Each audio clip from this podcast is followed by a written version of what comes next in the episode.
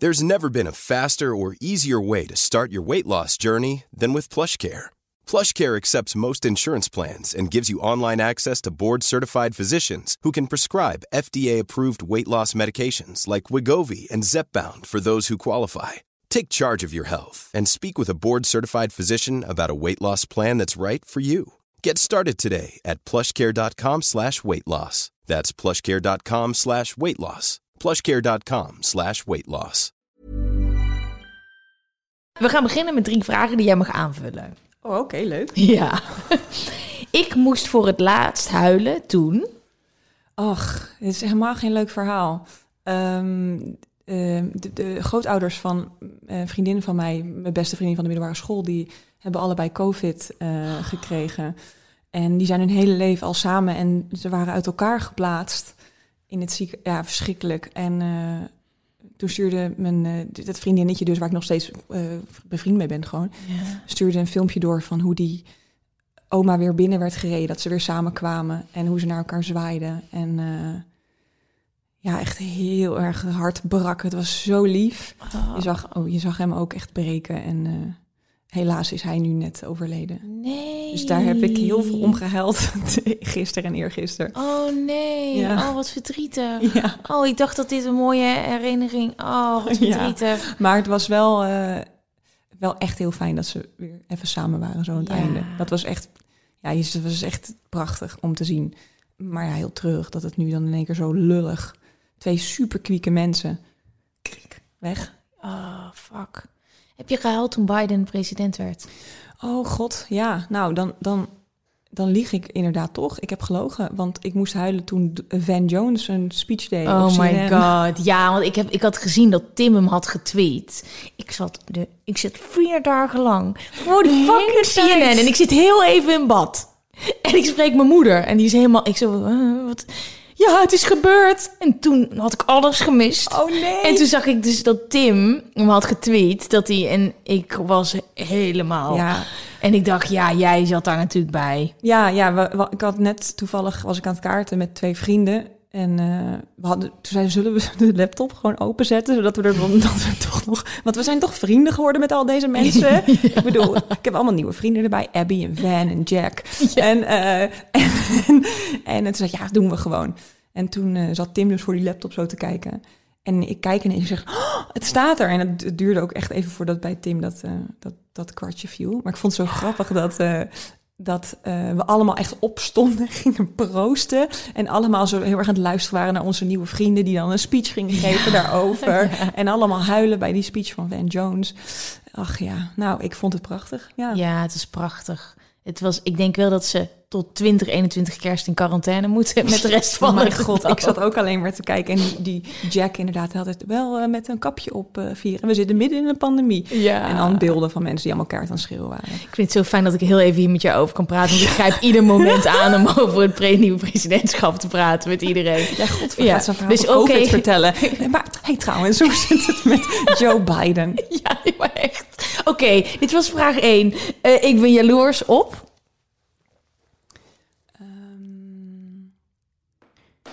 ik ben jaloers op.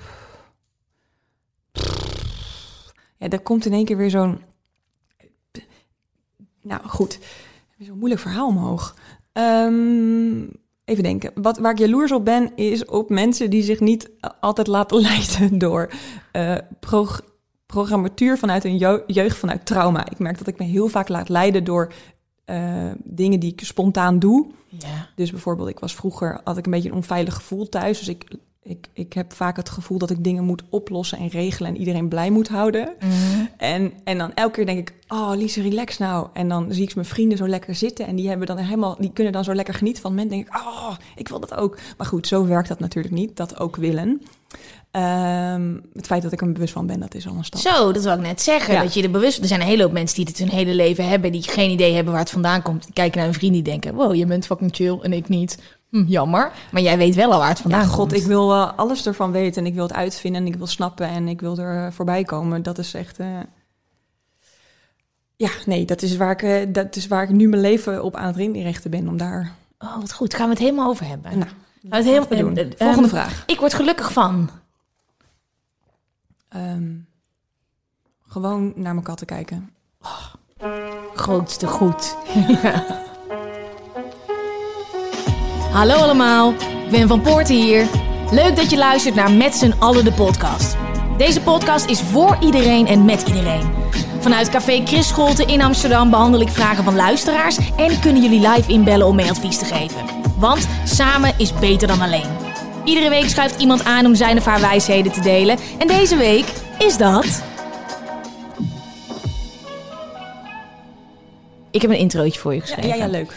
Ze is presentatrice, illustrator, columnist, documentairemaakster, gepensioneerd model en sinds kort ook een klein beetje influencer. Ze werd op 23 juli 1985 geboren in Den Helder en maakte samen met haar mama de online serie Op pad met Petra en Post voor Petra. En tussendoor heeft ze ook nog een kinderboek eruit gestampt met haar wereldberoemde katten Dirk en Danny. Haar docu Mijn Sexy Stuk is de meest genoemde documentaire in deze podcast. Dus genoeg reden om haar in het echt het hemd van het lijf te vragen. Want één ding is zeker. We willen allemaal adviezen van Lize. Pietske, Klaartje, Korperzoek. Ja, daar gezegd, wow, wat een naam, hè? Wow. Wat een vette naam. Ja, jeetje. Nou, goed. Hoi, wat leuk dat ik er mag zijn. Ja, heel leuk dat je er bent. Al vanaf aflevering 1 dat Geraldine er was. Iedere keer als het ook maar een klein beetje richting seks gaat, dan zegt mijn gast... Heb je de documentaire van Lise al gezien? Ja, ik hoorde inderdaad dat Geraldine daarover had gepraat. Grappig. Ja, maar nog veel meer gasten. Dus ik vind het superleuk dat je er bent. We hebben een hele hoop om over te kletsen. Eh, maar eerst gewoon even hoe het met je gaat. Ja, wel goed, wel rustig. Ehm, ik heb net eh soort van mijn heel hard gewerkt. Tenminste, niet net, maar eh, een jaar ben ik bezig geweest met een documentaire maken en een kinderboek eruit stampen. Ja. En nu is het gewoon even eh, gewoon een beetje geld verdienen en rustig aandoen. En niet passieprojecten die me helemaal leeg slurpen en, en niet heel veel geld opbrengen doen. Maar gewoon even rustig. En hoe voelt dat dan als je dan zo lang eh, aan het knallen bent met die doelen en die zijn er dan eventjes niet? Kan je dan ook echt even daarvan genieten? Nou, ik moet zeggen dat ik wel echt een ster ben, eh, zoals ik denk velen mensen die ook maken of whatever, misschien niet eens maken. Ehm, misschien gewoon wel in deze maatschappij of onze generatie, Ja. is dat ik eh, dan zeg, oké, dan ga ik rustig aandoen. En dan verzin ik inderdaad, oh, weet je wat leuk is? Als ik een maandje ga influencen en vloggen. En dan, en dan kunnen mensen Dirk en Danny ook een beetje leren kennen. En misschien is dat ook alweer leuk met het boek. En dan ben ik, eh, dan ben ik dat weer aan het doen. En, en dan merk ik dat ik daar helemaal niet rustig aan het doen. Want ik heb de mensen verteld dat ik om de dag een video ga uitbrengen. Oh mijn god, Lise, dat Ja. is zo intens. Dat is zo intens. Dus ehm, daar ben ik ook wel een beetje van teruggekomen hoor. Maar desalniettemin ben ik heel blij dat ik het gedaan heb. Maar was dat gewoon heel niet de bedoeling. Nee, dat moet gewoon even rustig aan doen. Dus dan loop je gewoon even een paar keer tegen die muur op. Eh, en, dan, eh, en nu eh, dus zeg maar twee maanden soort van na uitkomen boek. Ik ben ik wel op dat moment dat ik rustig doe. En hoe ziet dat rustig er dan uit? Nou, ik ben dus inderdaad een beetje doorgegaan met het eh influencen. En dat is voor mij, vind ik, een soort ja, makkelijke manier van geld verdienen. Ehm, het is belachelijk. Ik bedoel, ik heb gewoon een soort eigen omroepje waar je dingen op kan gooien. Het is natuurlijk insane. Ehm, en Je doet het zo leuk. Er zit zo...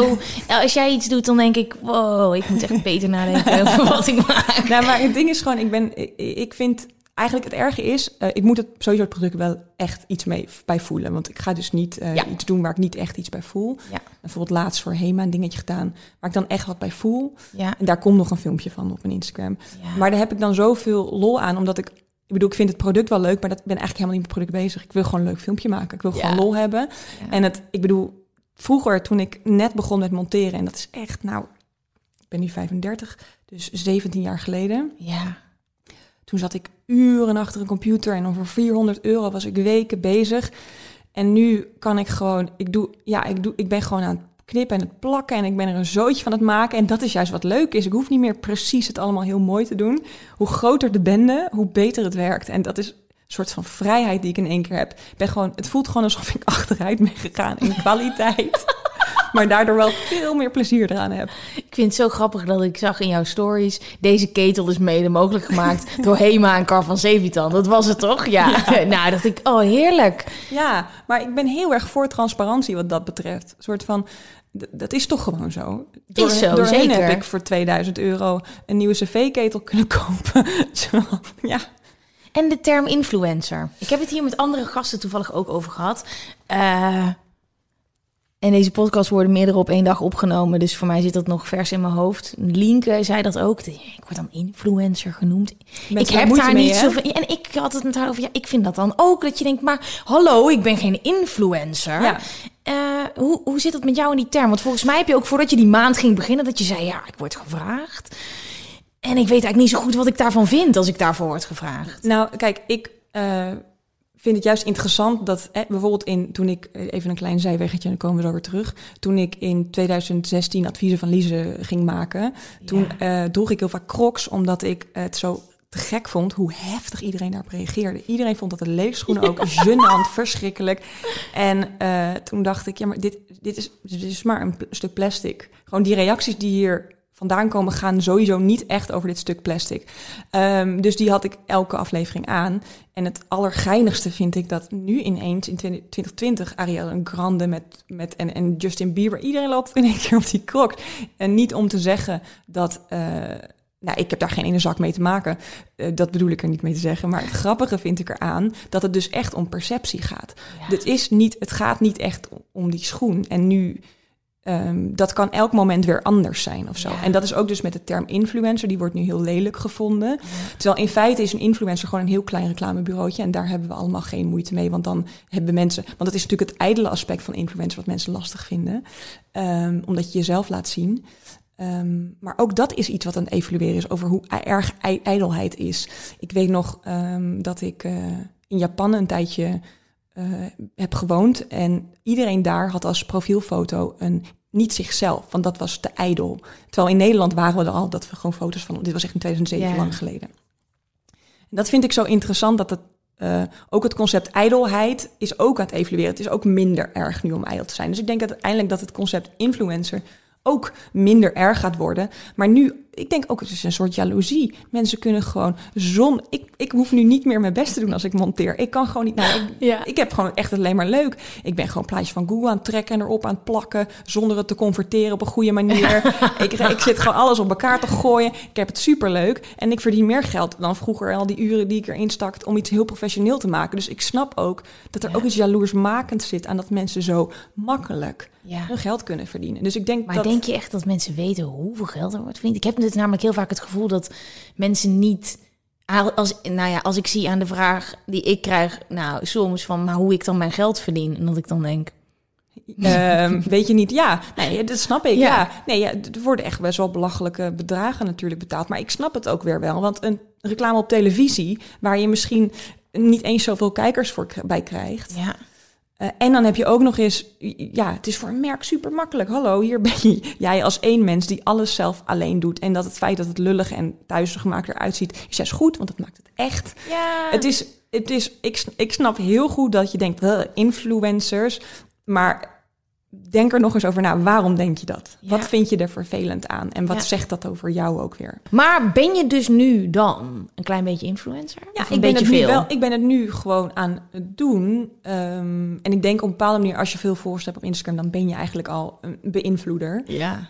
Um, en het, ja, ik vind het heel leuk. Ik vind het heel leuk in de zin van dat het. Het heeft natuurlijk het heeft twee kanten, of het heeft 37.000 kanten. Maar um, aan de ene kant is het heel leuk want ik, uh, om te merken dat, en net zoals die documentaire die ik heb gemaakt, dat heeft eigenlijk een kant van seksualiteit en kleur gegeven die nog grijs was. Ja. En dat merk ik ook met Instagram, dat um, bijvoorbeeld uh, de emancipatie van transgender of van, uh, van transgender mensen of van pff, weet ik veel lullige dingen zoals hele felle kleren dragen, kleuren kleren dragen, dat er wordt zoveel geëmancipeerd door Instagram. En dat ja. vind ik vet mooi. Um, de, maar ja, er worden, er worden ook veel dingen genormaliseerd die, waar ik dan niet per se heel warm van word. Zoals? Um... This Mother's Day, celebrate the extraordinary women in your life with a heartfelt gift from Blue Nile. Whether it's for your mom, a mother figure, or yourself as a mom, find that perfect piece to express your love and appreciation. Explore Blue Nile's exquisite pearls and mesmerizing gemstones that she's sure to love. Enjoy fast shipping options like guaranteed free shipping and returns. Make this Mother's Day unforgettable with a piece from Blue Nile. Right now, get up to 50% off at BlueNile.com. That's BlueNile.com. A lot can happen in the next three years. Like a chatbot may be your new best friend. But what won't change? Needing health insurance. United Healthcare Tri Term Medical Plans are available for these changing times. Underwritten by Golden Rule Insurance Company, they offer budget friendly, flexible coverage for people who are in between jobs or missed open enrollment. The plans last nearly three years in some states, with access to a nationwide network of doctors and hospitals. So, for whatever tomorrow brings, United Healthcare Tri Term Medical Plans may be for you. Learn more at uh1.com.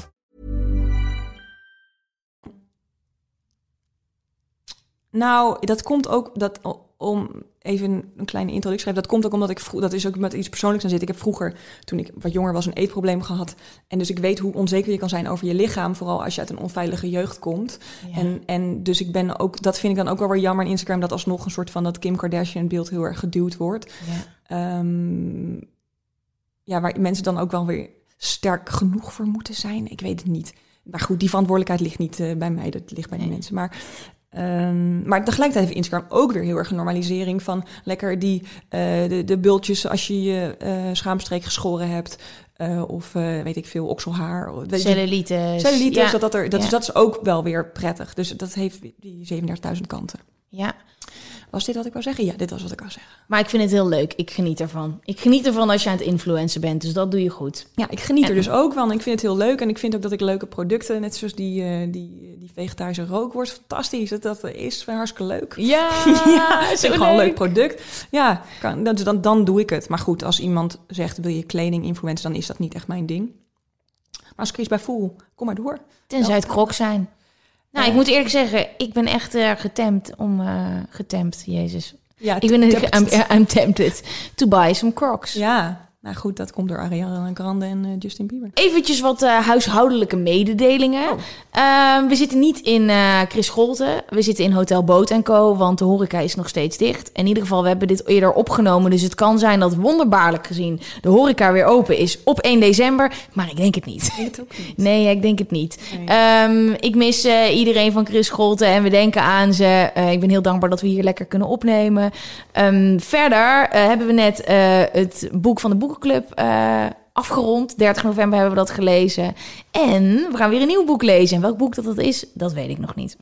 Dat gaat gebeuren de aankomende weken. Leuk. Lise, Ja, hier ben ik. Graag mij. eh, jij bent eh, wel thuis in advies geven, denk ik. Ja, ja, ach, ik ben zo, ik ben iemand die de hele tijd advies wil geven, ja. Ja? In je vriendengroep, maar ook aan iedereen? Collega's? Ja, ik wil altijd nadenken over oplossingen, ja. Oh, dat is fantastisch. Heb je wat voor me? Ik heb echt een hele hoop shit voor je. En ik heb ook echt dus... Daar ben ik dus nu mee begonnen. Voor mensen die de podcast luisteren en denken... Oeh, er zijn wel dingetjes anders. ik ben begonnen met mijn gasten publiceren voordat ze er zijn. Oh. Want eerst was ik een beetje bang dat mensen dan te veel... Lise, vertel me je lievelingskleur. Ja, ja, maar ik wil graag een beetje persoonlijke vragen Mm, hebben. Maar dat gebeurt dus nu, zoals je hoort, in deze vraag. Oh my god, Lise komt. Ik heb een vraag. haar video over hoe ze haar leven omgooide om tekenaar te worden... was het setje dat ik nodig had om te stoppen met mijn master. En nu goed na te denken over wat ik echt wil... in plaats van op de automatische piloot. Ik struggle alleen met de vraag hoe nu verder. Ik heb nu het idee in mijn hoofd dat ik redacteur wil worden... bij een maatschappelijk televisieprogramma en daar nu stage wil lopen. Maar het is ontzettend moeilijk om daar nu te komen... door het kleine aanbod in verband met corona. Hierdoor begin ik steeds meer te twijfelen over het pad dat ik ingeslagen ben. En hoe weet ik zeker dat dit het is? Hoe wisten jullie dat zo zeker? Kusjes van iemand die iedere aflevering iets leert. Oh, ja. Ik moest bijna huilen. Maar dit is toch fantastisch? Ja. Eh, heel eventjes helemaal terug naar het begin. Ja, Kleine Lise, klein Lise. wat wilde je worden? Ehm, ja, ik wou striptekenaar worden als kleine Lise. Ja. Oh, wauw. ja. En hoe wist je dat toen? Ik vond tekenen gewoon eh, fantastisch. Dat is wat ik de hele tijd deed. Ja. Ja, ja. en striptekenaar, dat, want ik, eh, ik had heel veel, mijn vader had heel veel ehm, Garfield pockets altijd liggen. En da- da- daardoor had ik bedacht, dat wil ik ook doen. Oh. En ben je ook die richting meteen gaan studeren? Nee, nee, toen ik wat ouder werd, wou ik natuurlijk VJ en actrice worden. Eh, hè, wie niet? In onze tijd wou je even IJ worden.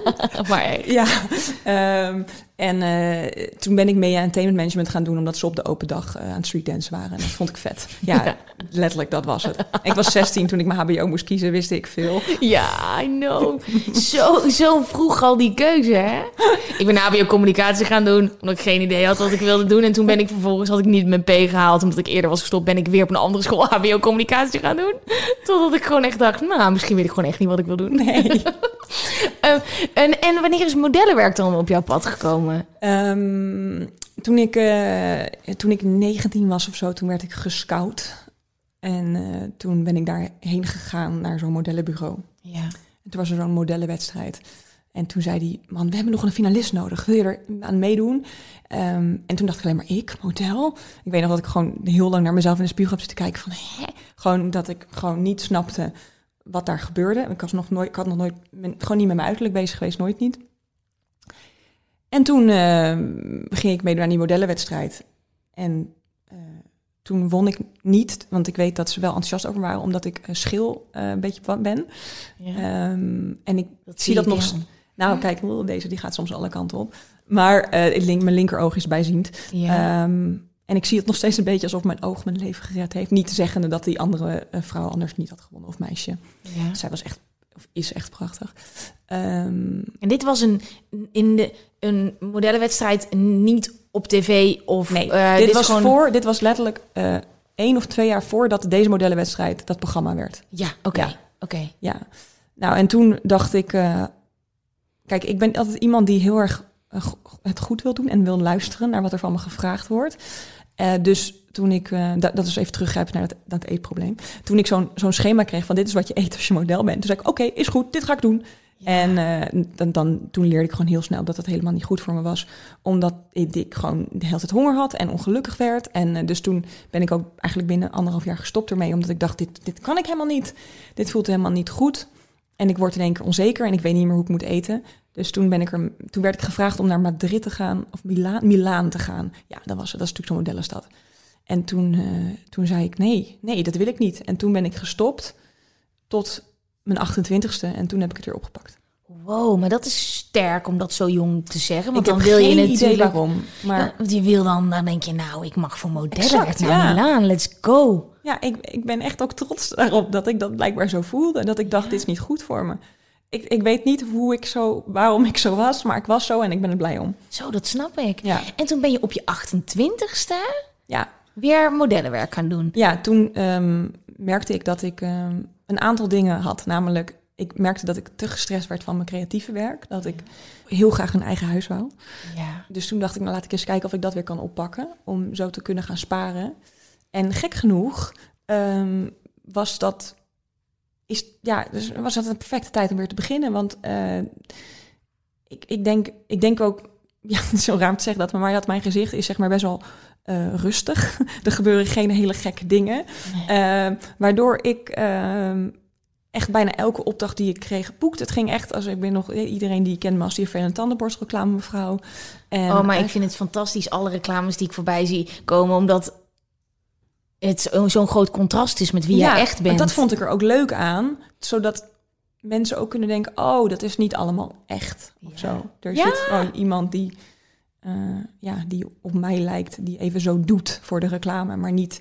De reclame is niet altijd iets waar je op soort van eh, onzeker van hoeft te worden of zo. Ja.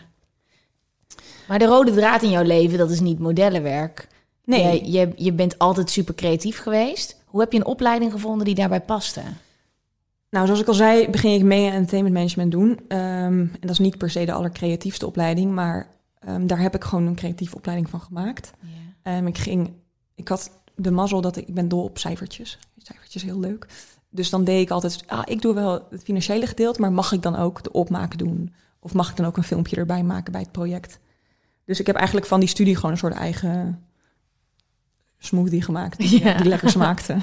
en, en zodoende. Dus dat is ook een beetje wat ik voor die meid, eh, voor die eh, vrouw, meisje, ik weet niet, die, of jongen, ik weet niet wie. Het is een, eh, een meisje. Ze heeft haar leven dus omgegooid. En ze vraagt eigenlijk hoe wij weten wat we willen doen. En hoe je dus vasthoudt als het eventjes wat moeilijker gaat. Ja, snap ik. Ehm, ik denk dat hoe ik altijd vast heb gehouden als het eventjes niet lekker ging. Want ik vind, heb het altijd leuk gevonden om dingen te maken. En ik heb ook nog wel een creatieve opleiding gedaan, een jaar.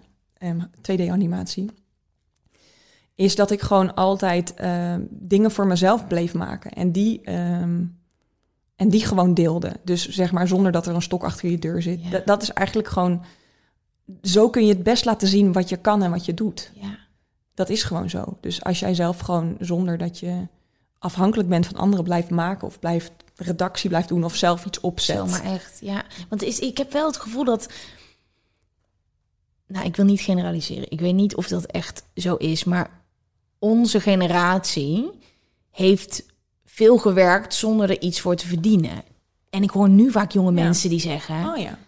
Ja, maar ik krijg daar niet voor betaald, dus dat ga ik niet doen. Ja. Misschien omdat ze... ehm, het, he- het, het hele internet ligt voor je neus. Dus je ziet wat mensen doen en dat ze daar geld mee verdienen. Hashtag spon. En, het- terwijl als je echt graag iets wil, nog steeds, als ik nu word gevraagd om iets te doen, of ik wil graag iets doen waar, wat ik nog niet echt goed kan, dan doe ik het ook vaak gratis. Of dan Ja. wil ik, want je wil blijven groeien. En vooral ook als ik haar hier zie dat ze graag eh, redactie wil gaan doen. Nee, de niks houdt je tegen. Het is niet dat één grote redactie of één groot programma er is. Je hebt een heel, heel het internet voor je liggen. Ja, je kan zelf allemaal dingen opzetten.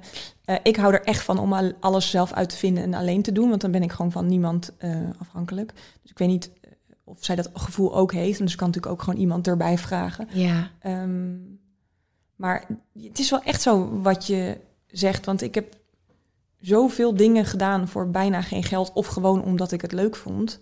Ik bedoel, het is, soms vragen mensen ons... Hey, hoe heb jij die documentaire gemaakt? Ik zeg, ja, dat is gewoon twaalf jaar lang werken geweest. Ja. En toen en ervaring opdoen, hoe maak je video's, hoe vertel je een verhaal, dat is niet even met de VPRO bellen en dat gebeurt. Het is gewoon echt werken, doen, uitvinden, op je bek gaan.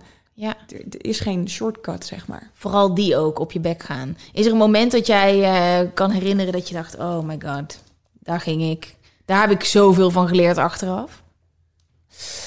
Nou, ik eh, tekende bijvoorbeeld in 2010, 2012, eh, die periode tekende ik best wel veel en toen ging ik ook heel veel tekenopdrachten doen. En toen heb ik me nog, ehm, om, toen ben ik wel eens door, zeg maar, in uitgaan, toen ik uitging, dat is een heel raar verhaal eigenlijk, maar toen eh, wilde ik graag een beetje bij de coole mensen horen. En de coole mensen gingen mij tekenen een beetje belachelijk maken. En toen ben ik mijn eigen tekenen stom gaan vinden, omdat eh, ik cool wou zijn. En ik vind dat dat het soort van de grootste op mijn bek is die ik ooit ben gegaan, omdat ik ehm, mezelf aan de kant schoof voor bevestiging ergens anders of zo. Ja, ja, ja, ik snap, ja, ik snap dat wel. Want als je, als je mensen om je heen hebt waar je tegenop kijkt en zij gaan dan Mij ja, belachelijk jou maken. belachelijk maken, dan wil, je, dan wil je daarin meegaan. Maar wanneer is er een besefmoment geweest dat je dacht: ja, maar fuck jullie, dit is, dit is mijn kunst?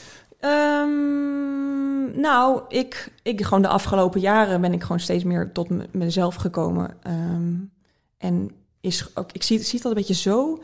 Zeg maar, je hebt zeg maar je centrum waar je dan in je eentje heel goed kan zijn. Maar zodra er iemand anders is, kun je die, je centrum nog wel zo naar iemand anders toe gaan. Ja, ja, en dat ja, je dan, ja, ja. En dat je dan in één keer je heel erg laat leiden van wat hier gebeurt. En, en dat bewustzijn van zeg maar, nee, wup, weer terug. Dat is iets wat ik gewoon heel bewust probeer te doen. En daar hoort dus ook bij. Hè, maar wat, wat betekent het dan als ik mijn centrum bij die mensen heb liggen? Ehm, wat, wat, wat heb ik daaraan? Wat betekent dat? Wat vervult dat? Oh nee, maar weer terug. Je klinkt heel erg bewust. Dat je heel veel bezig bent met bewustzijn. Is dat ook spiritualiteit? Mm, nee, zo noem ik dat eigenlijk niet zelf. Nee, zo noem ik dat eigenlijk zelf niet echt. Voor mij is het eigenlijk meer een soort van eh, logisch, Ja, logisch bewustzijn of zo. ja. Dus en, en mediteer je?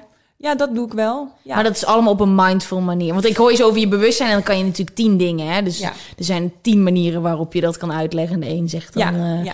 Maar eh, oké, ik vroeg me dat af. Als ik jou zie, dan denk ik, ben je heel spiritueel? Of- ja, nee, spiritueel, dat, ja, dat, ik weet niet zo goed wat dat is ook of zo. Maar ik weet wel bijvoorbeeld dat ik heel erg geloof in, ehm, bijvoorbeeld als ik mediteer, kan ik heel makkelijk mijn lichaam voelen en voelen waar het zwaar voelt. Ja. En ik geloof er wel heel erg in dat alles wat je meemaakt en niet uit, dat het in je lijf gaat zitten. Ja. Maar dat vind ik dan dus logisch in plaats van spiritueel. Ja. Ja, dat is voor iedereen ook anders. Ja. Ja. ik vind dat ook heel logisch. Ik vind het heel cool, eh, het, wel als je praat, wie bent zo hyperbewust van jezelf. Van oké, ik, ik vond dat... het- Heel veel mensen op hun bek gaan, dat is een ander soort blunder. Maar voor jou is echt dat je jezelf teleur hebt gesteld. Ja, dat ik mezelf heb, eh, opzij heb gezet. Terwijl Ja. dat juist iets was. Tekenen was voor mij zo'n groot, grote stap. Ehm, ik, dat vertel ik ook in die video waar zij het over heeft. Ik had gewoon van mijn veertiende tot mijn 23ste, negen jaar lang, drie relaties. Hele fijne jongens waar ik me gewoon heel prettig echt een samen. En dat komt natuurlijk ook voort uit het feit dat ik me als kind dan niet zo veilig voelde. Ehm, in, in mijn, eh, mijn, moeder werd ziek en mijn vader overleed vroeg. Dus ik was gewoon al heel erg een soort van... eh, en mijn zus en ik waren ook niet echt haha, leuk samen de hele tijd. Ja. Dus dat was. ehm, dus ik snap heel goed dat ik mezelf even verloor in liefde. Gewoon ongecompliceerde liefde. Maar toen die derde relatie klaar was, toen heb ik zo'n duidelijke. ke- Ben ik, ik heb echt gewoon, en dat zeg ik ook weer in dat filmpje, zo'n spiegelmoment gehad. Dat ik voor de spiegel ben gaan staan en denk: oké, Lise, volgens mij ben je een hartstikke leuke meid. En kun je ook bestaan niet in de gratie van een relatie. Wat kan je? Wat vind je leuk? En toen ging ik gewoon terug naar vroeger. En toen dacht ik, ik vond tekenen als kind geweldig. Ik vind computeren, vind en vond dat altijd leuk. Ik ben altijd iemand geweest die, weet ik veel, met MS-DOS eh, of Word ging ik dan de schoolkantjes. Maar het is gewoon, ik vind het gewoon leuk om te knutselen met de computer. Vet. Dus zodoende besloot ik, oké, ik ga weer tekenen. Dus dat ben ik toen gaan oppakken toen ik 23 was. En ik eh, ga ehm, kijken of daar een opleiding bij is. En zo kwam ik bij de animatieopleiding terecht. En toen heb ik gewoon een, een jaar lang door elke dag in de trein te tekenen, heb ik weer leren tekenen. Ja. Want ik kon echt alleen maar stikpoppetjes nog tekenen, zeg maar. Het was echt heel lullig. Maar, en dat gaf me zoveel kracht, dat als je iets gewoon elke dag doet... En, en iets doet wat je leuk vindt, dat je daar gewoon dus goed in kan worden. Of in ieder geval goed genoeg. Ja, wat is goed? Gewoon, je doet het gewoon. Ja. En het geeft een kracht. En elke keer als ik dan aan het tekenen was op, op mijn computer, dan dacht ik, nou heb ik dit getekend? Leuk! Dus het was voor mij, dat, daarom vind het, was het voor mij zo'n falen, omdat het zo, het was voor mij zo'n eh, overwinning. Ja. En, en toen liet ik me daar weer van afduwen door eh, onzekerheid. Ja, ja. De allerbeste les die zij hier denk ik uit kan halen is dat jouw droom niet begint bij een kans van een ander, maar gewoon bij jezelf. En dat hele leerproces. Je kan ook wat jij zegt. Het voelde zo sterk dat ik aan het groeien was zelf en dat zag dat ik vooruit ging. Ehm, ik zou tegen haar zeggen: zorg ervoor dat je voorbereid bent als die kans er dan in één keer komt dat jij de allerbeste redacteur Ja. van de wereld bent. Totaal. Eh, en dat kan je gewoon al zelf gaan oppakken. Dus ik hoop dat je daar wat aan hebt. Ja, ik hoop het ook. Ga gewoon, ga gewoon. Wat Gwen zei is super mooi en waar. Dat is het echt. Je, je moet zelf gewoon lekker, ga daarmee aan de slag. En, ehm, en dan vind je ook uit waar jij dan goed in bent. Wat, jou, wat jou onderscheidt van alle andere redacteuren. Ja, vet, vet. Volgende vraag. Go. Nee, niet volgende vraag. Oh. Deze wilde ik aan het einde pas stellen. Eh, want ik wil het over je documentaire hebben. En ik Oh. heb daar meerdere vragen over. Ik heb echt een hele inbox met vragen over seks. Dus ik heb er twee gefilterd. Maar gewoon eventjes helemaal bij het begin. Ehm, kon je altijd al zo makkelijk over seks praten? Nee, dat is ook wel het hele probleem natuurlijk. ehm, dat ik daar een soort ongemak zit. Waardoor ik nooit echt heb aangegeven wat mijn wens is, wat ik prettig vind. Waardoor dat, dat, geen ontwikkeling heeft gehad in mijn leven. Maar wat wel zo is, is dat ik wel heel makkelijk praat over ongeveer alles. Ehm, omdat ik denk op het moment dat iemand eh, eh, iets niet durven zeggen gaat over dat je bang bent dat je daar op afgerekend wordt, op wat voor manier dan ook. En als iemand mij wil afrekenen over wat ik deel, dan, dan denk ik succes ermee. Maar het is zo bizar dat je dus in je privéleven dat merkt. Maar dat je dan wel zo'n docu gaat maken voor Ja. het grote publiek. Ja. Ehm, heb je daarover na moeten denken van, nou, ga ik die stap wel nemen? Het is natuurlijk wel, als je één keer daarmee naar buiten gaat, dan is het in één keer zo dat ik jou kan vragen hoe het met je seksleven gaat. Ja, ja dat is waar.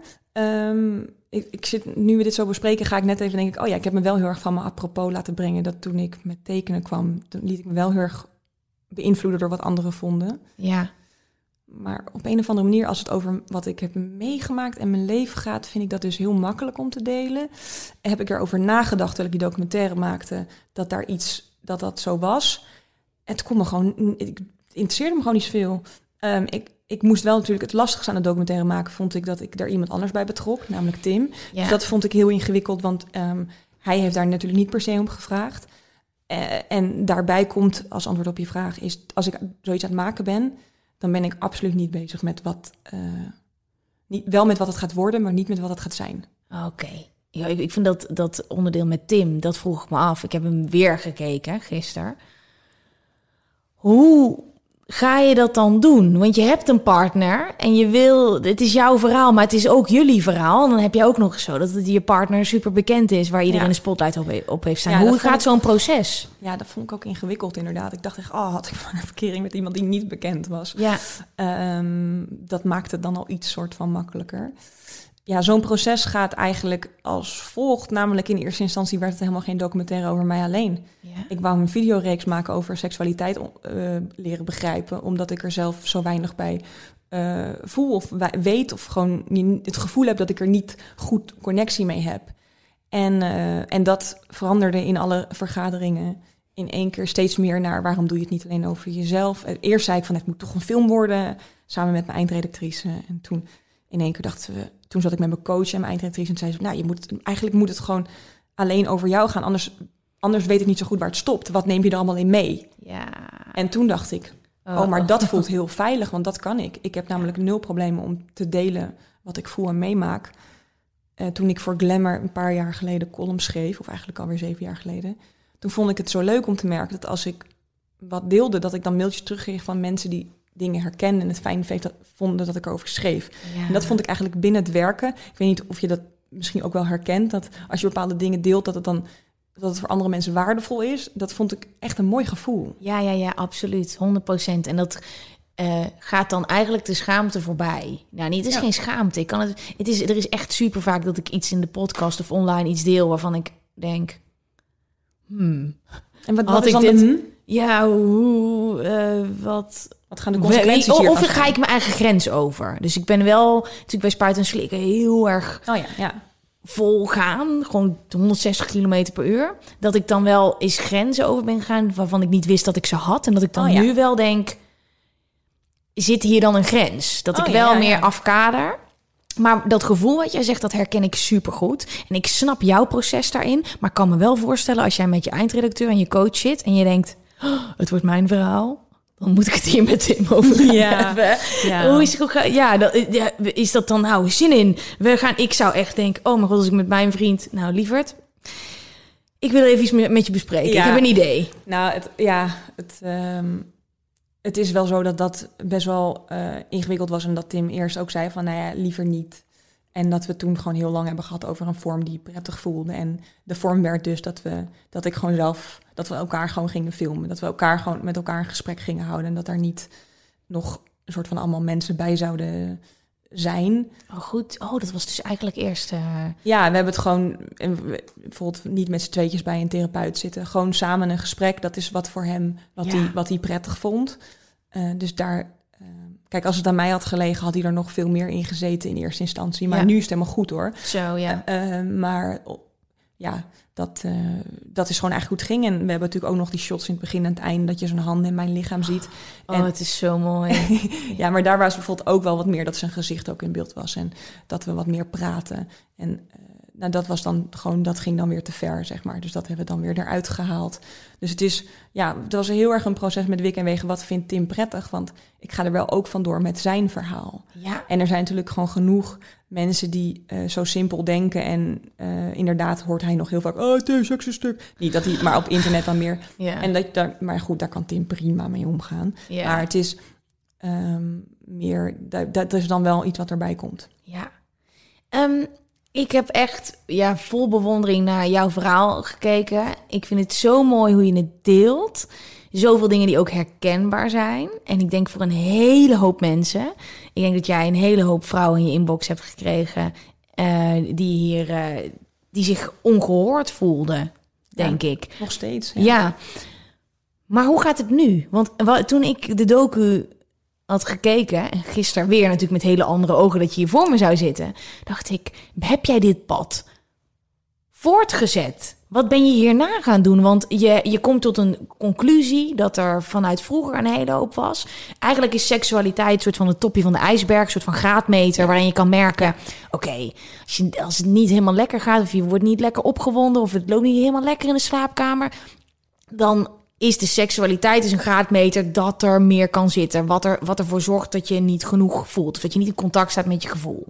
En ik vond dit zo mooi om te zien hoe je met beweging begon. En dat stapje voor stapje. Maar ik dacht wel, dit is voor jou echt het topje van de ijsberg, toch? Ja. Wat heb je nog meer gedaan? En hoe gaat het nu? Oké, ehm, ehm, ik moet zeggen dat eh, het inderdaad, dat is wel echt waar de documentaire over ging. Ik heb ook kritiek gehad van ja, maar dus seks, er zit geen seks in. Maar dus- ja, maar dat ik dan, dan, dan denk ik, oké, dat snap ik, maar dan, dan, dan Dat is niet waar het over gaat. Exact, dat is niet waar het over gaat. Voor mij is dat niet waar seks over gaat en waar het quote-unquote mis ging. Ehm, wat ik nu merk is dat er gewoon een van de redenen dat het mij, dus ik bedoel, ik heb weer nieuwe dingen geleerd door inderdaad bezig te zijn. Ik doe het is ondertussen een jaar geleden dat, of elf maanden geleden dat hij eh, het live ging. Dus, ja, precies een jaar geleden heb ik hem afgemaakt. Sterker nog, precies een jaar geleden heb ik hem afgemaakt. Ja, het is 9 november toch? Ja. Ja, Wow. ja, ja precies een jaar geleden heb ik hem afgemaakt. Wow, het had zo moeten zijn. Ja. Ehm, maar, eh, nou ja, is bijvoorbeeld dat ik merk dat er bijvoorbeeld nog heel veel stress in mijn lichaam zit. Die, ik ben gewoon, ik weet niet helemaal, ik merk gewoon dat er, ik, ik moet gewoon werk, ik moet, mijn, mijn lichaam moet gewoon ontstressen. En op het moment dat ik, dat ik me niet meer onveilig voel, dan kan ik me natuurlijk overgeven aan zoiets als, als vrijen. Ja. Dus dat is iets waarmee ik nu bezig ben. Hoe krijg ik de stress uit mijn lichaam? Hoe kan ik me eraan toegeven? Ehm, dus dat is gewoon nog een, een ongoing proces. En ehm, ja, dat gaat eigenlijk gewoon goed. Dat is gewoon iets. Ja, en je- gaat gewoon. Het, het duurt. Het is natuurlijk niet zo dat na die documentaire het gelijk opgelost was. Want sommige mensen Nee. ja, is wel een heel happy end. Dus ik, nee, dat was het niet per se. Het is meer een soort van: mijn seks is niet stuk. Mijn seks is mijn seks. Ja. Dat besef is gekomen door het maken van die documentaire. En dan begint het pas. Is er niet meer druk op komen te liggen door de documentaire? Omdat in één keer een hele hoop mensen wel... Nou, ik dacht altijd gewoon van ja, wat er tussen mij en mijn vrienden gebeurt, dat is niet. eh, dat, is, dat is voor mij. Ja, Ehm, en dat staat weer los dus van de documentaire eigenlijk. ja. Het was wel zo dat ik, nadat ik er zoveel mee bezig was geweest, dat ik eh, wel gewoon ook even zei van ja, ik ben, ik, ben er nu te veel mee bezig geweest om nu op dit moment een stap verder te gaan. ja. Maar dat hebben we gewoon weer op een gegeven moment opgepakt. Ja. En zijn er nog... Oké, wacht. Dit sluit aan bij de vragen. Oké, nu is er wel echt een vraag. Een vraag. Hoi, ik kan me heel erg vinden in wat er in de documentaire allemaal gezegd wordt. Ik merk aan mezelf dat ik de behoefte vaak echt niet heb, maar ik merk dat ik ook heel graag zou willen dat ik die, die behoefte wel heb. Wat nogal tegenstrijdig klinkt, hahaha. En zo voelt het ook, maar ik weet dus niet hoe ik zo zou kunnen worden. Dat ik ook veel vaker zin heb. Of dat ik het misschien maar gewoon moet accepteren, maar dan voel ik me altijd opgelaten tegenover mijn partner. Omdat ik het gevoel heb dat het bij heel veel mensen wel echt heel belangrijk is in een relatie. En dat begrijp ik ook. Hebben jullie misschien tips om ja, kort gezegd, meer zin te krijgen? Kijk, het is niet zo dat ik het echt niet wil en dat ik iets tegen mijn zin in doe, maar ik zou graag willen dat ik zelf zin zou hebben en initiatief zou willen nemen. Of hebben jullie anders advies om ermee om te gaan en het te bespreken met je partner? Ik wil wel graag anoniem blijven. Wat, wat zou jij als tip geven? Nou, de tips om het te bespreken. Gewoon doen. Dus gewoon gaan praten. Want ik denk dat het niet doen en het iets wat in jouzelf opbouwt en die vraagtekens bij je partner nog veel groter zijn. Tips om zin te maken. Ik heb geen idee. Nee, ik, ik denk ook dat er niet per se tips zijn om zin te maken. Want dat zin maken is wat ik geleerd heb in mijn eh, weg die ik heb afgelegd. Is dat ik weet nu gewoon wat ik prettig vind. En dat is dus niet eh, hoe ik helemaal hartstikke geil word. Want dat word ik gewoon niet. Ja. Ik vind het gewoon heel prettig om huid aan te raken en, en dicht bij elkaar te zijn. En, en dan kan dat inderdaad leiden tot, tot seks. Maar dat is. En dan word ik natuurlijk wel opgewonden, als doe ik dat niet. Maar je moet gewoon heel goed eh, durven oké te zijn met wat jij fijn vindt. En Ja. dat, ik heb het gevoel dat ze dat nog niet helemaal is. Nee, want het beeld dat je krijgt van wat je fijn moet vinden, daar hou je je aan vast. Exact. En als je dat niet voelt, dan voel je je een beetje een freak. Want iedereen heeft dat wel. Maar Ja. jij hebt ervoor gezorgd dat we zien dat, dat er veel meer vrouwen zijn die hetzelfde hebben. En mannen. Ja, maar seksualiteit is zo, wordt zo beperkt weergegeven. Oh, Ik bedoel, heel vaak, oké, wat, zien we, wat zien we als seksualiteit? Nou, dat je drie keer per week eh, seks hebt in je relatie, wat ik heel veel vind. Ehm, en dat is dan, of, of als iemand zegt, ik heb maar één week seks en iedereen, oh, wat weinig. Dan denk ik gewoon dat dat echt niet zo is of zo. Dat mensen dat echt, oh, inderdaad. Nee, je moet daar een mening over hebben. ja. Maar goed, dat is even een heel, ik bedoel, dit Ja. is een beetje oninteressant eh, weggetje wat ik heb genomen. Maar wat ik bedoel is zeg maar iemand die elke zaterdagavond eh, kaarsjes neerzet en gaat masturberen bij het idee van Justin Bieber. Dat is een- evengoed een vorm van seksualiteit als iemand die elke dag het liefst seks heeft. Dat zijn twee totaal gelijkwaardige vormen van seksualiteit. En, Ja. dat, en dat zou fijn zijn als ze dat wat meer, echt wat meer accepteert van zichzelf. Dat ze Hoe dus kom je daar dan achter wat, je dan, wat dan wel voor jou fijn is? Want in je hoofd heb je gewoon... Yo, ik moet in de keuken staan, partner zien. Wow, ik ben bloedgeil. Laten we seks hebben. Ja. Want hoe kom je er dan achter wat je dan... je weet het al. Ik bedoel, in die documentaire zeg ik ook van ja, ik, op een gegeven moment ben ik zo verdriet en zeg ik dan wil ik gewoon even in je shirt ruiken en je knuffelen, maar dan gaat het verder en dan zoiets zeg ik Ja. en dan en dan en dan denk ik dan voel ik niks meer. En, maar eigenlijk wist ik daar dus al wat ik fijn vond. Namelijk in mijn neus in een shirt duwen en huid voelen. Maar ik dacht niet dat dat genoeg was. Maar als je dat accepteert dat dat is wat je fijn is, dan fijn vindt, dat hele kleine. Als je dat gewoon eventjes doet, totdat je weer dat net zo lang doet totdat je meer voelt en meer wil. Ja, en dan eventjes de rem erop zetten in plaats van jezelf forceren. Tot, ik denk ook dat die frustraties Oh, de, pff, die van blokkeren. die maken alles kapot. Dus alleen al denken dat je niet goed genoeg bent, je doet het niet vaak genoeg, je partner is teleurgesteld in je en je bespreekt het niet. Dat is één groot. Dan zit je in één groot vacuüm, dan kan je Ja. geen kant op. Nee, en, dan, en dat is... ehm, ja, ik zie vrije seks gewoon als een manier om dichter bij mijn partner te zijn. En als ik dat in mijn achterhoofd hou en niet alles wat ik van geleerd heb... dan kan seks voor mij dus ook zijn dat we gewoon even heel prettig gaan knuffelen zijn. Ehm, maar goed, heb je natuurlijk ook te maken met dat je, vriend bijvoorbeeld wel eh, vaker seks wil hebben. Maar je gaat gewoon altijd het tempo van de langzaamste. En daarin is het heel belangrijk dat zij wel met haar vriend gaat praten. Want ik weet niet of ze dat trouwens niet of wel doet. Heb Ehm, je je tips om advies om ermee om te gaan en het te bespreken met je partner? Want ik merk dat in heel veel mensen, met heel veel mensen met wie ik spreek, dat eh, de man het vaak, in, of de man of de partner, het hoeft niet eens een man te zijn natuurlijk, de partner die vaker wil, heel erg aan zichzelf of aan haarzelf gaat twijfelen. Ja, Als je ehm, de ander niet wil. ja. Terwijl voor mij gaat het daar natuurlijk helemaal niet om. En Nee. voor die mensen ook niet. Maar dat is heel fijn om te horen. Ja. Dus daarom is het heel belangrijk dat je het bespreekt. Anders krijg je alleen maar meer frictie en gaat diegene ook onzeker worden. En daardoor is hij ook steeds verder af van Ja. wat vrije hoort te zijn. Communicatie is key. het is gewoon zo. En ook al is het heel moeilijk, maar daarom merk ik dat ik dat vond ik het allervetst om te horen. Dat stelletjes samen die documentaire gingen, geven, gingen kijken en daardoor een handvat hadden om erover te praten. Dat vond ik het allerleukst, het allermooiste waar ik nooit over na had gedacht. Dat dat ook natuurlijk gebeurde. Ja, dat Dus- snap ik. Ehm, ik weet niet hoe ongemakkelijk of gek dat is voor haar. Dat Kijk zou... samen de docu. Ja. Super relaxed. Want dan heb je ook meteen, want het is zo'n mooi rond verhaal. En ik vind het dus ook heel cool hoe tof Tim daarover praat. Dat is voor mannen ook heel fijn om te zien. Dat gewoon Ja. stoere gast gaat in gesprek met zijn Ja. vriendin. Het is eh, ingewikkeld. Het is Ja. niet heel makkelijk. Super kwetsbaar. Ik denk dat dat heel. Ik vind dat een hele goeie. Ga de, ga de docu kijken. Ja. Zou ik wel hem niet inkleden als zaterdagavond filmavond. Zo. Ik heb een leuke film uitgekozen. Nee, nee, dat niet. Ik zou wel een kleine introductie doen. Ja. Maar eh, wat ik het, het fijne vind aan Tim en aan mij, en dat vind ik ook fijn dat ik dat heb kunnen laten zien, is dat we altijd proberen te praten zonder het te persoonlijk te maken wat de ander zegt. Ja. En dat is voor eh, niet altijd mogelijk hoor, geloof me. Maar dat is iets, om even terug te komen, ook waar ik natuurlijk in het begin van de documentaire, of van de documentaire, deze podcast over begon, dat ik soms me te veel laat leiden door oude patronen en dat ik dat dan, dat ik jaloers kan zijn op anderen die dat niet doen. Maar op het moment dat je het dus herkent, net zoals ik dat bewustzijn heb bij mezelf. Ja. Hè, ook dus als Tim iets zegt en ik ga gelijk, terwijl het over zijn gevoel gaat, Ja. dan denk ik, oh ja, sorry, ik betrek het even op mezelf ja. pauze. Wat rot voor jou dat je zo voelt of wat. En dat zou voor zoveel relaties zo prettig zijn als je en zoveel ruzie schelen als je gewoon leert om te denken: oké, dit de emotie die ik er nu uitgooi gaat niet over jou, maar over mij. Ja. Die mag er ook zijn, maar wat heb jij te vertellen?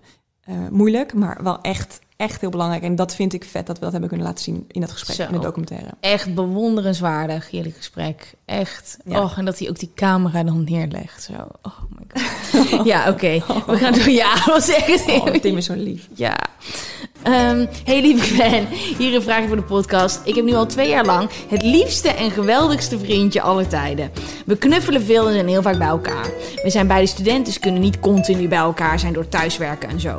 Maar als we vanuit dat knuffelstadium naar een soort sexy stadium willen, moeten we over een enorme drempel.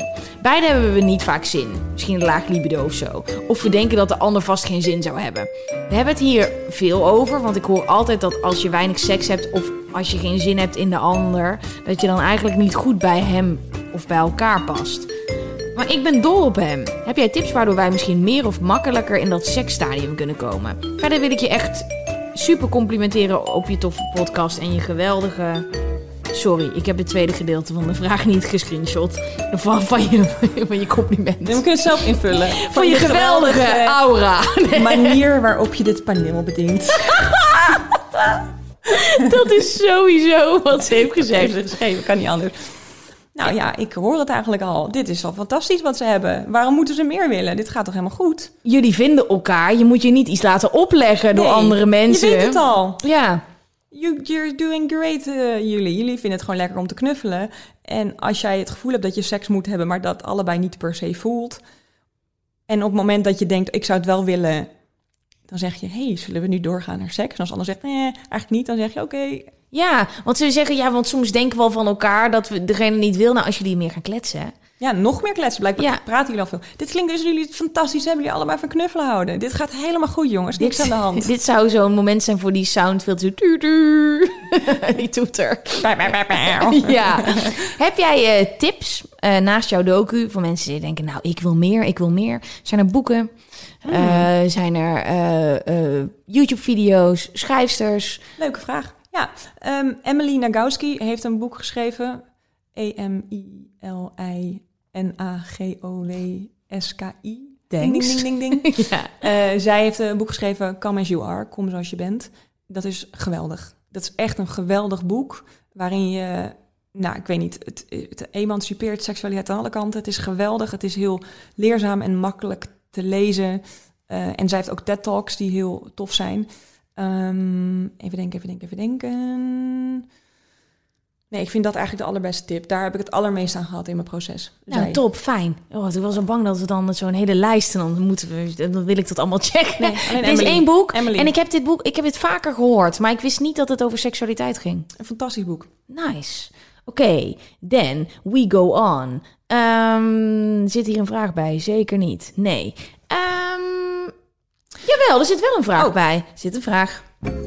Hey, ik ben een gast. Ik zit momenteel midden in een burn-out en ik vroeg me af of jullie tips hebben. Het voelt alsof ik er niet meer uitkom en er is geen eind in zicht. Help. Oké. Anoniem. Ehm, ik heb gezien dat jij een burn-out hebt gehad. Nou, dat klopt, ja. Ehm, wat totaal logisch is. Mensen met eetstoornis hebben ook vaak burn-outs en eh, hebben allemaal dingen altijd. Hoe oud was je toen? Ehm, dit was in 2011. September. Ehm, het ding is dat ehm burn-outs vaak gaan over dat je een te groot verantwoordelijkheidsgevoel hebt Ja. voor wat voor, voor, voor meer voor anderen dan voor jezelf eigenlijk. Ehm, een tip die ik hierbij bij heb is eigenlijk om eens te gaan zitten. En eh, als je niet wil gaan schrijven, dan, dan doe je het lekker niet. Maar om aan jezelf te vragen: wat wil ik niet voelen? Eh, dat klinkt heel vaag, maar vaak ehm, kom je met die vraag heel ver. Wat wil ik niet voelen? Ja. En daardoor. Wat- dus stel je voor, oké, ik, ik trek hem even op mezelf. Wat wil ik niet voelen? Het gevoel dat ik altijd iets moet doen. Of dat andere, mensen altijd iets van me moeten hebben. Of dat het nooit En waarom wil je stopt. dat niet voelen? Omdat ik er eh, onrustig en gestrest door raak. En daardoor heb ik nooit rust. Ja, en, en wat, ehm, waarom raakt dat je? Waarom krijg je daar stress van? Ehm, Omdat je dus blijkbaar een enorm verantwoordelijkheidsgevoel voelt om mensen blij te houden of whatever. ja. En waarom voel je dat? Nou ja, misschien heb je vroeger in je jeugd was je de oudste of eh, had je moeder het een beetje moeilijk of je vader een beetje zwaar. Ja. En dan ben je, is dat dus wat jij hebt leren doen. En dan moet je dus daarmee aan de slag gaan. En niet ehm, met hoe ga ik minder werken, hoe ga ik... Dat is oppervlakte. Dat is allemaal Heb oppervlakte. je daar een eh, coach bij gehad? Ehm, ja, ik heb absoluut allemaal verschillende soorten therapieën gevolgd. Ehm, ja. Ja. En heeft dat geholpen in het, in het eh, eh, burn-out hoofdstuk? Nou, in het burn-out hoofdstuk vond ik dat ik bijzonder slechte hulp kreeg. Ehm, dat was echt niet eh, de hulp die ik toen nodig had. Dat sloeg, sloeg, sloeg, eh, sloeg nee. Dat sloot niet echt aan bij wat ik toen nodig had. Ehm, maar ja, ik luister nu dan weer ook wel weer veel podcast eh, van bijvoorbeeld Nicole Sachs. Sachs. Ja. Weet je dat? En zij, haar gaat het heel erg over chronische pijn. Eh, maar dat chronische pijn, eigenlijk is burn-out ook een vorm van chronische pijn. ja. Ehm, dus je zou naar dingen van haar kunnen luisteren. Van haar heb ik die zin, wat is het wat je niet wil voelen? En ehm, wat heb jij uit je burn-out gehaald? Want, en dat Ehm, vraag ik iedereen, omdat ik mijn burn-out altijd mijn, het allergrootste cadeau ooit Oh ja. vind. Aan, niet dat ik, het, dat ik ervoor heb gekozen, maar dat, daar, dat is de fundering voor alles wat ik nu doe. En ik heb wel echt met al die tools een groter geluksniveau. En het zijn mijn alarmbellen. Dus Ja. het is bijvoorbeeld nu, op dit moment heb ik het al zo lang zo druk... dat ik gewoon heb gezegd, oké, er, gaan, er gaat ergens een week vrijkomen Ja. zonder prikkels. En nu weet ik, oké, het is niet, ik ben niet gek geworden. Het is gewoon fucking druk. Wat heb ik dan nodig? Maar voordat ik dit had, Wist je dat niet? Had ik al die tools doorheen? niet en had ik die alarmbellen niet. Heb jij ook iets eruit gehaald? Nou, wat jij zegt klopt wel. Ik ben wel... eh, eerst zag ik dat heel erg als een... Oh mijn god, waarom ben ik nu zo zwak? Waarom kan ik dat allemaal niet meer aan? ik zo? Ja. Ja. Ehm, ja, absoluut. Want eh, zeg maar, mijn burn-out voelde ik heel erg. Dat ik wist dat ik een burn-out was, was omdat toen ik het fysiek ging voelen, namelijk een enorme druk op mijn hoofd. Als iemand al vroeg van, hey, ehm, kun je even dat brood ophalen? Dan was het gewoon, Oh, ja. dan dacht ik gewoon, oké, ik ga flauw vallen. Ehm, dus als het echt heel ver gaat, dan voel ik weer zo'n drukje om mijn hoofd en denk, ik, oh ja, hm, dit is een moment dat ik dus dan moet aangeven of moet zeggen. Maar ik vind het ook knap dat jij vandaag drie gesprekken houdt. Ik zou echt al. eh, Ja. ja, echt nee. Ik, dat zou voor mij te veel zijn. Dat weet ik inderdaad door die, door die burn-out. Maar wat ik verder heb geleerd van, de, van een burn-out hebben. ehm, wat heb ik daarvan geleerd? Ja, ik denk eigenlijk wel precies wat jij zegt. Je weet gewoon wanneer iets te veel wordt. Het heeft alleen een tijdje geduurd voordat ik daar respect voor had. Ja, dat, ja. Empathie, dat ja, is het. Ja, lief zijn voor jezelf. Ja, En ook misschien, ik weet niet of dat bij jou ook zo is, maar ik heb gezien dat de dingen waarvan ik vroeger tegen mezelf zei: waarom ben ik zo? Waarom, heb ik, waarom ben ik zo gevoelig? Waarom ben ik zo intens? Waarom ben ik anders dan een ander? Dat ik zie dat dat een kracht is in plaats van een zwakte. En dat ik- ben ik echt gaan waarderen in plaats van dat ik het helemaal kapot maak en anders wil zijn. En doordat ik dat niet zo. Ja, want als je dat gaat wegdrukken, dat kost zoveel energie als je anders wil zijn. Ehm, dat, dat merk ik ook in eh, bijvoorbeeld in mijn tekeningen. Ehm, dit is gewoon hoe ik teken. En, en, en, en dit is gewoon hoe ik ben. Ja. Dit is eh, hoe ik. Ik zou soms ook wel eens willen dat ik super mooie natuurdingen kon tekenen. Maar nee, ik teken een, een gekke kat eh, die een scheet laat. Weet je wel, dat is wat ik doe. En, dat, en dat gewoon omhelzen, dat, dat maakt je zoveel gelukkiger dan soort van eh, op zoek gaan naar iets wat je zou willen zijn of zou willen kunnen. Ja. Dat is gewoon zo. Eh, dus de, ja, daar sluit ik me bij aan. Tip voor iemand die midden in de burn-out zit en denkt: ik kom er niet uit, help. Ehm, nou ja, ik denk echt ehm, even gaan nadenken over waarom je in die burn-out zit, waar we het net over hadden. Ja. Denk eens na over wat er vroeger in je jeugd is gebeurd, waardoor jij nu zo'n groot verantwoordelijkheidsgevoel hebt dat je het niet meer aan kan. Want dat is eigenlijk wat er een burn-out is. Ja. Ehm, en ehm, proberen te voelen wat je niet ehm, durft te voelen. Want ik merk dat ik, wat ik niet wou voelen als we het even op, gevoel hebben, is dat ik eigenlijk gewoon woedend was. Ik was Ja. hartstikke boos. Nou, en die woede, daarom zei ik van pak een pen en papier, eh, of als je dat niet wil, zeg het. Maar dat heeft mij dus heel erg geholpen, is gewoon op gaan schrijven. Ongefilterd gaan schelden. Nice. Ongefilterd gaan opschrijven. Ik vind het gewoon fucking eerlijk dat dit fucking shit gebeurt. Nee, nee, nee, nee. En dan merk je hoe, als je dat gewoon even zo 20 minuten lang doet zonder je vingers op te tillen, dat je uiteindelijk ook weer bij een zachter punt uitkomt. Oh, ontladen, loslaten. Nice. Ik hoop dat je hier wat aan hebt en heel veel succes. We gaan door naar. Ik heb zelfs een bonusvraag nog. We zijn er nog niet eens. Dit is nog niet de bonusvraag. muziekje zo leuk. De eerste, vergeet haar boek over Dirk en Danny niet. Zo leuk. En haar verhaal over haar implantaten. Om welke reden ze erin gingen, maar vooral de reden dat ze ze heeft laten verwijderen. Ehm, ik zag laatst in jouw stories, je hebt er ook een video over gemaakt. eh, Zimra Geurts kwam een artikel over naar buiten dat zij een auto-immuunziekte heeft Ja, gekregen. Ja. Ja, naar aanleiding van eh, haar borstimplantaten. En toen zei jij, oké, ik, ik, Dit is wil het moment. ik wil het ergens over hebben. Ja, ik wou het daarover hebben omdat ik ehm, ehm, echt wel ben geschrokken hoe heftig effect dat had op mij.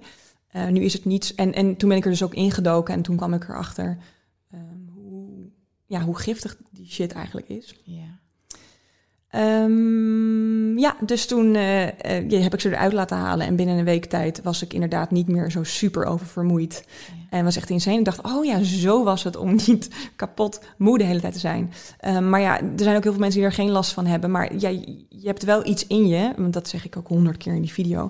Kijk, een, een, ehm, een implantaat, eh, daar zitten altijd siliconen omheen. Ook al is het een zoutoplossing. Het is Ja, dat altijd... vond ik zo interessant, want je denkt dus in silicoon zit erin en de rest is eh, huls. Maar die, jij zegt ook, huls- die huls is ook al silicoon. Ja, en dat, en dat, hoe je het ook bent of keert, siliconen gaan door je lichaam migreren. En dat is, heeft gewoon een toxisch effect. En dat kan gewoon hele negatieve gevolgen hebben. Dus heel veel mensen krijgen bijvoorbeeld ehm lymfekanker of ehm auto-immuunziekte. Hebben heel veel mensen met borstimplantaten.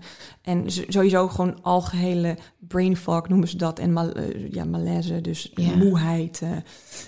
Ehm, maar goed, dus ja, en bij mij heeft het ook een soort chronische pijn aangezwengeld. eh, waar ik nu dus ook met die vrouw waar ik het net over had, Nicole Zags, nu heel erg over aan het nadenken ben. En Maar je hebt er nog steeds last van. En je weet zeker, dit is echt een... ik, eh, nou, ja. dat is wat ik ook in die video zeg. Het enige wat ik weet is dat ik het niet had voor de borstimplantaten. En waarom heb je ze laten zetten? Ik heb ze laten zetten omdat ik een, eh, altijd het gevoel had dat ik niet af was als vrouw zijnde. En dat is. ehm, en, ik, en ik wist dat dat natuurlijk niet per se. Ik, ik heb het ook aan heel veel mensen niet verteld, omdat ik me heel erg schaamde dat ik eh, gefaald had in zelfacceptatie. Ehm, dus toen heb ik ze. Dus ja, ik werd ook vroeger veel gepest ermee. En het voelde gewoon altijd als ik gewoon er- ergens. Als ik ook met een jongen dan misschien een beetje aan het daten was, dan dacht ik, oh, maar straks ziet hij mijn kleine borst en dan is hij natuurlijk teleurgesteld. Gewoon zo groot was dat in mijn hoofd. Ja. Het was zo groot. En toen ik 28 was en modellenwerk ging doen en in één keer lekker geld verdienen, dacht ik, wow, ik kan dat gewoon nu betalen. Toen dacht ik, nou, waarom niet? Leuk. En het was ook echt iets eh, wat ik gedaan had. En ehm, dat zeg ik ook in dat filmpje van, ik heb, het is echt iets, ik, ik heb nog steeds niet echt eh, onthullende kleding aangehad ooit omdat het echt als iets voelde voor mij, als een klein vinkje van nu ben ik af. Ja. En ik moet zeggen eerlijk, het werkte ook. Ik voelde me geweldig, ik voelde me prachtig. En niemand die er zeg maar iets van door had. Het was gewoon, ik voelde me ineens af. Ja. Ehm, maar goed, toen begon dus in één keer de klachten. maar het grappige is dat ik doordat ik, dat, doordat ik ze genomen heb, ik dus ook dacht, wow, dit gevoel zat al in me. Mhm. Ehm, en dat is Oh, alleen aangezet door die borsten. Wauw, dat is zo... Ja, dus toen ik ze eruit haalde, was het eigenlijk. En voelde ik me eigenlijk nog steeds even af en goed als, als toen ze erin zaten. Dus het was eigenlijk. Ja, dus ik heb er wel echt wat aan gehad, gek genoeg. Was je bang toen eh, je dacht, ik ga ze eruit halen, dadelijk gaat die knop weer terug? Nou, ik heb er wel over nagedacht. En ik heb wel ook nagedacht over: oké, ga ik het dan met mijn eigen vet laten opvullen? Ga ik het dan alsnog doen? Dat, dat hoor ik van veel vrouwen die ze eruit laten halen. Van ja, wat ga ik dan doen? Ja. Ehm, want natuurlijk gaat het wel, eh, vooral als je echt grote had. Ik had natuurlijk niet zo heel, of tenminste niet natuurlijk, ik had niet zulke hele grote. Ehm, het hangt natuurlijk gewoon wat meer allemaal daarna. Ja. Ja, dat is gewoon zo. Ehm, maar ik eh, vond dat eigenlijk niet erg. Ik, ja, ik weet niet, ik vind mezelf prachtig eigenlijk en daar heb ik superveel aan. En dat is wel aangezet, onder andere door dat ik ze even had. En hoe kan dat dan? Hoe kan je dat verklaren? Dat het er dan ook nog steeds is nadat je ze eruit hebt gehaald? Is het dan... Nou, het heeft ook wel te maken met ontwikkeling binnen mezelf. Hoor. Niet alleen maar Ja. binnen dat ik die dingen had. Maar ik wist wel dat die dingen iets aanzetten wat al in me zat. En ik weet dat ik ook ehm, wat meer ben verdiepen in gewoon hoe er naar vrouwen wordt gekeken in de maatschappij. En dat ik daar ook dingen ben van gaan vinden. Ja. En, eh, En ook denk, jeetje, wat heb ik veel tijd doorgebracht met naar mezelf kijken met een soort blauwdrukker op, wat gewoon niet mijn lichaam is. Ja. Wat, wat zonde van al die tijd, joh. En, en nu als ik gewoon naar mijn lichaam kijk zonder er iets op te leggen eh, wat me is ingepraat, dan denk ik, wat een hartstikke leuk lijf heb ik. Ja. Ja, en eh, dat is een veel fijnere manier om naar te kijken. Want ja, je- het is echt een gevangenis als jij de hele tijd daar bezig bent met van ik moet afvallen en ik moet anders zijn dan dat ik ben. Dat is echt een, een gevangenis die ja, echt veel mensen wordt aangepraat. Ja. En jij zag dat Simra dit deelde. Hoe lang eh, waren jouw borstimplantaten toen al? Of hoe lang zijn ze er nu al uit? Een jaar. Oké. Elf maanden zijn ze eruit, ja. En jij maakt alles bespreekbaar. Ik had het net al toen je binnenkwam erover, weet je, ik zie je, hoe je huis er van binnen uitziet. Ik weet, ik weet alles bijna wa- wat je denkt, want ik ben, ik ben zelf ook zo, ik deel ook Ja. een hele hoop. Maar dit heb je dan toen niet meteen gedeeld. Nou, nee, omdat ik gewoon nog niet echt de. ehm, ik, want ik, oh ja, dat was ook de reden. Ik was namelijk. eh, toen, ik had natuurlijk net een documentaire gemaakt. eh, en toen heb ik ze daarna eruit laten halen. Dus ik heb eerst die documentaire afgemaakt voordat ik die afspraak inplande. Ja. Omdat ik dacht, ik wil. Dat is natuurlijk een revalidatieperiode en zo. Ehm, maar ehm, toen deelde ik het niet, omdat ik in mijn hoofd had van, oh, misschien ga ik hier nog wel iets van maken, een documentaire. Ah, oh, natuurlijk. Ja, dus ik daarom, dacht al, want dit is voor jou helemaal iets om gewoon meteen te bespreken. Ja, nee, het was gewoon, ik dacht, oh, misschien ga ik hier nog echt iets van maken. Ga je dat En- doen nog? Nou, ik denk, ik denk misschien wel dat ik iets over chronische pijn ga doen en dat dit er dan een onderdeel van is. Ah, nice. Ik vond het heel mooi dat je het zo bespreekbaar maakte. Want ik zag het van Zimra en dat kwam niet zo binnen... totdat ik jou erover hoorde vertellen. Ja, omdat zij ehm, haar, haar hoe ze, zij was zo ver weg van, ehm, zij was zo heftig wat zij had. Ja. Echt niet normaal. Het is zo verschrikkelijk om te zien. Oh. Ja, en, eh, en, maar je kan jezelf niet zo snel identificeren met iemand, eh, denk ik, in een rolstoel als je zelf daar niet bent, Ja. denk ik. Echt, echt ik, ben, ik hoop echt dat zij ook naar Nicole straks gaat luisteren. Zimmer, als je meeluistert, doe het. Ik heb er erg veel aan. maar Ja. ehm, ehm, eh, ik denk dat ik, wat ik altijd doe als ik iets maak of vertel, en dat doe ik dus ook, wil ik ook in de documentaire- documentaire, is dat ik haakjes maak waardoor het niet alleen maar over mijn verhaal gaat, maar Ja. dat ik zoek waar raakt het ook anderen. Ja. Dus ik heb ook in die video Express een stukje over zelfacceptatie gedaan, Ja. omdat dat zo belangrijk is en zo lelijk dat dat eigenlijk ons door alle plaatjes die we om ons heen zien van ons wordt afgenomen. Ja, ja, 100%. Maar alle stukjes die gedeeld worden, zoals dit, is een van die puzzelstukjes die we nodig hebben om het beeld weer compleet te maken. is heel mooi en fijn dat je daar zo open over praat. Heel verfrissend, superveel vragen over binnengekomen. Dus ik hoop dat deze allemaal beantwoord zijn. Ehm, dan gaan we naar de bonusvraag. Oh. Ja, ik dacht, let's go. Hey, ik ben een gast. Ik heb een vraag voor de podcast. Ik ben nu een jaar samen met mijn vriend en we zitten helaas niet in de relatie dat we elkaar elke dag kunnen zien. Dit komt door zijn werk bij Defensie en mijn bijbaan wat ik doe in het weekend. Dit is vaak één keer per week of één keer in de twee weken. Mijn vriend is hier helemaal oké mee, maar ik vind het erg moeilijk. Ik probeer me erbij neer te leggen, maar op het moment dat er zoals deze week herfstvakantie is, wil ik meer dan die ene keer per week afspreken. Voor mijn vriend hoeft dat dan niet en dat begrijp ik dan niet zo goed. Er ontstaat dan een enorme onzekerheid in mijn hoofd. Heeft hij een ander? Houdt hij niet meer van mij? Ik hou heel erg veel van hem en ik vertrouw hem ook wel. Alleen ik word helemaal gek van mijn eigen onzekerheid. Hebben jullie tips hiervoor? Ik probeer elke dag. Wacht. Eh, ik probeer elke dag mee te mediteren om 7 uur. Groetjes Malou. Ik ben trouwens Oh. 21, mocht je het afvragen. Oh, maar Lou, ik begrijp dat. Ben je wel eens jaloers? Nee, eigenlijk niet. Niet meer. Vroeger wel. Ah, Toen ik 21 was, absoluut wel. Ehm, kijk, ik denk dat dit ook weer zo'n ding is waarbij ze dus eh, los van dat dit absoluut een legitiem gevoel is. Dat Ja. ze hoeft zich niet hier bezwaard over te voelen en om. eh, en zijn, zijn wil is nu leidend, Ja. namelijk één keer per week. Ehm, en het, het onge- ongeluk voor haar is dat vijf keer per week eh, dat daar ook een één keer per week in zit. Dus hij wint, zeg maar. Ja. Ehm, dus ik denk absoluut dat ze dit zou kunnen zeggen zonder dat het mu, mu, mu is, maar gewoon wow, ik wou je zo graag vaker zien. Kunnen we daar iets aan doen? En als hij dan zegt nee, dat hoeft van mij niet. Ehm, en dat raakt haar heel erg.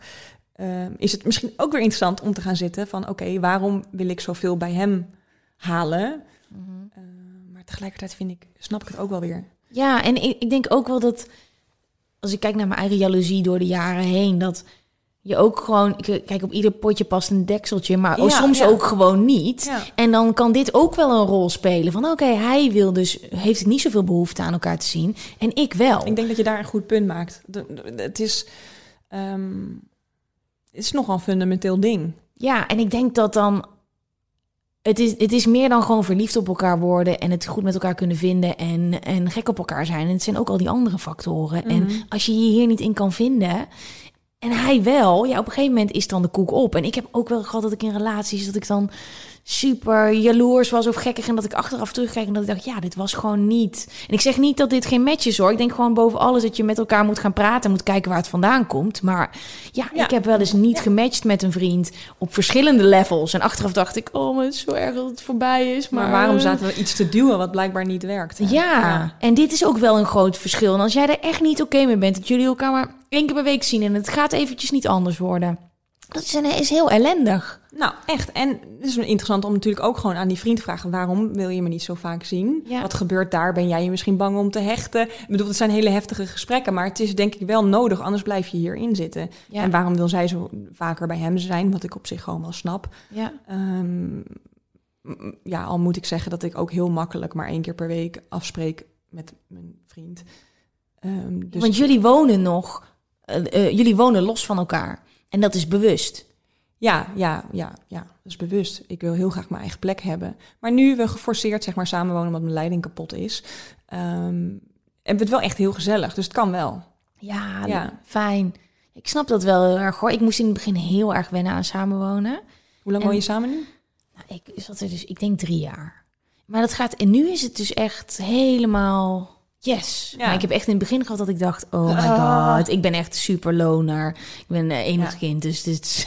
Ja. Maar ehm, we dwalen helemaal af. Eh, maar ik vind het heel leuk dat jullie lekker los van elkaar wonen en dat gewoon ownen. Want een hele hoop mensen die jong zijn, die nog niet samenwonen, zeggen, oh, ik weet het niet, samenwonen wel niet. En zo. En jullie kiezen gewoon bewust voor lekker, dat is toch latten? Ja, Niet dat maar latten? ik, ik- volgens mij wel living apart together, ja. Ja. Maar ik, ik, dat is ook weer gewoon, eh, wij laten ons gewoon niet te veel leiden door wat een norm is, omdat we gewoon dicht bij onszelf blijven. En ehm, ik denk dat deze meid, ik, ik weet niet of ze anoniem was, ehm, dat ze gewoon, eh, haar wens mag er totaal zijn. En wat jij zegt, als het niet samen gaat, ja, dan moet je dat eerlijk zeggen. Ik wil jou gewoon echt vaker zien, anders vind ik de relatie gewoon niet zo prettig. Ja. En maakt het me onzeker. En dat vind ik een rot gevoel. Hoppatee. Alsjeblieft, ik hoop dat dit een beetje het advies was wat je wilde hebben. Ehm, we zijn bij de laatste, eh, dit was de laatste. Ja. Ja! Nou, lekker gelul tot het donker wordt helemaal. Zo, ja, we zitten dus nu hier die hele dag in die kamer. En dit is gewoon de eerste keer dat we het donker hebben zien worden, Jasper. het kan zijn dat we, dat we helemaal wat licht geven nu van de lampen. Maar eh, ik vond het zo fijn dat je er Ja, was. vond het een leuk gesprek. Oh, fijn. Ik, ik heb echt een hele hoop eh, ehm, vragen de hele tijd voorbij zien komen... dat ik dacht, die kan ik niet behandelen... want die moeten bij Lise terechtkomen. En ik vond de docu fantastisch... en ik ben heel benieuwd wat je verder nog allemaal gaat maken. Het boek ligt in de winkels. Voor de mensen die kijken. Oh my god. Oh heb je, my heb god. je neefjes en nichtjes of iets? Iemand aan wie je er blij mee zou kunnen maken? Ja, mezelf. Oké, nou. oh my god, mag ik die hebben? Oh my god. Oh, dat vind ik zo leuk. Oh, dat vind ik zo leuk. Alsjeblieft. Oh my god. Oh, dit vind ik zo leuk. Ja, Zo lief. Alsjeblieft. Ga het boek checken. Het is, eh, we zitten midden vol gast in de feestdagen. Ja, dus, ja het, is eh, echt een, eh, het is echt een heel Oh, raar boek zo voor, mooi. Voor, kinder, voor kinderen en ook voor kattenliefhebbers. En ehm, het is, oh, het, het formaat is het zo is gigantisch. mooi. Ja.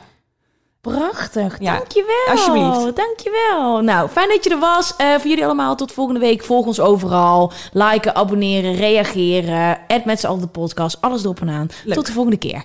Doei. Doeg jongens.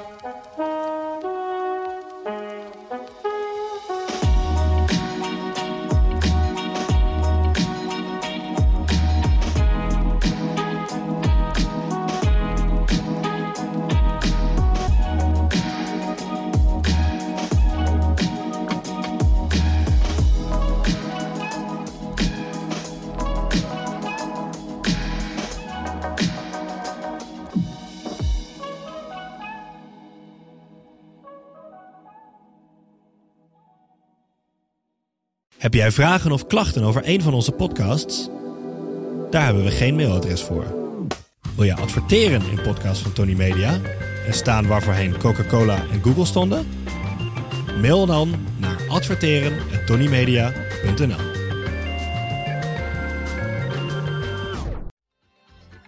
Weet je waar ik zo'n tyfushekel aan heb? Toeristen, als het te druk is in de stad, zelf koken. Ja, alles wat je nu zojuist benoemt. En daarom maken jij, denk Daan Hogevorst, En Robert Rodenburg. een podcast waarin we alleen maar klagen.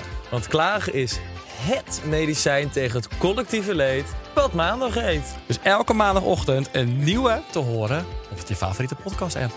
Maandag Klaagdag! Jezus, zingen moeten wij nooit doen.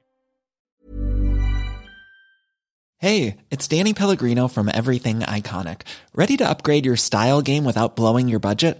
Check out Quince. They've got all the good stuff shirts and polos, activewear, and fine leather goods, all at 50 to 80% less than other high end brands.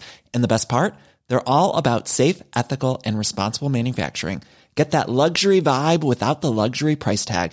Hit up quince.com slash upgrade for free shipping and 365 day returns on your next order. That's quince.com slash upgrade.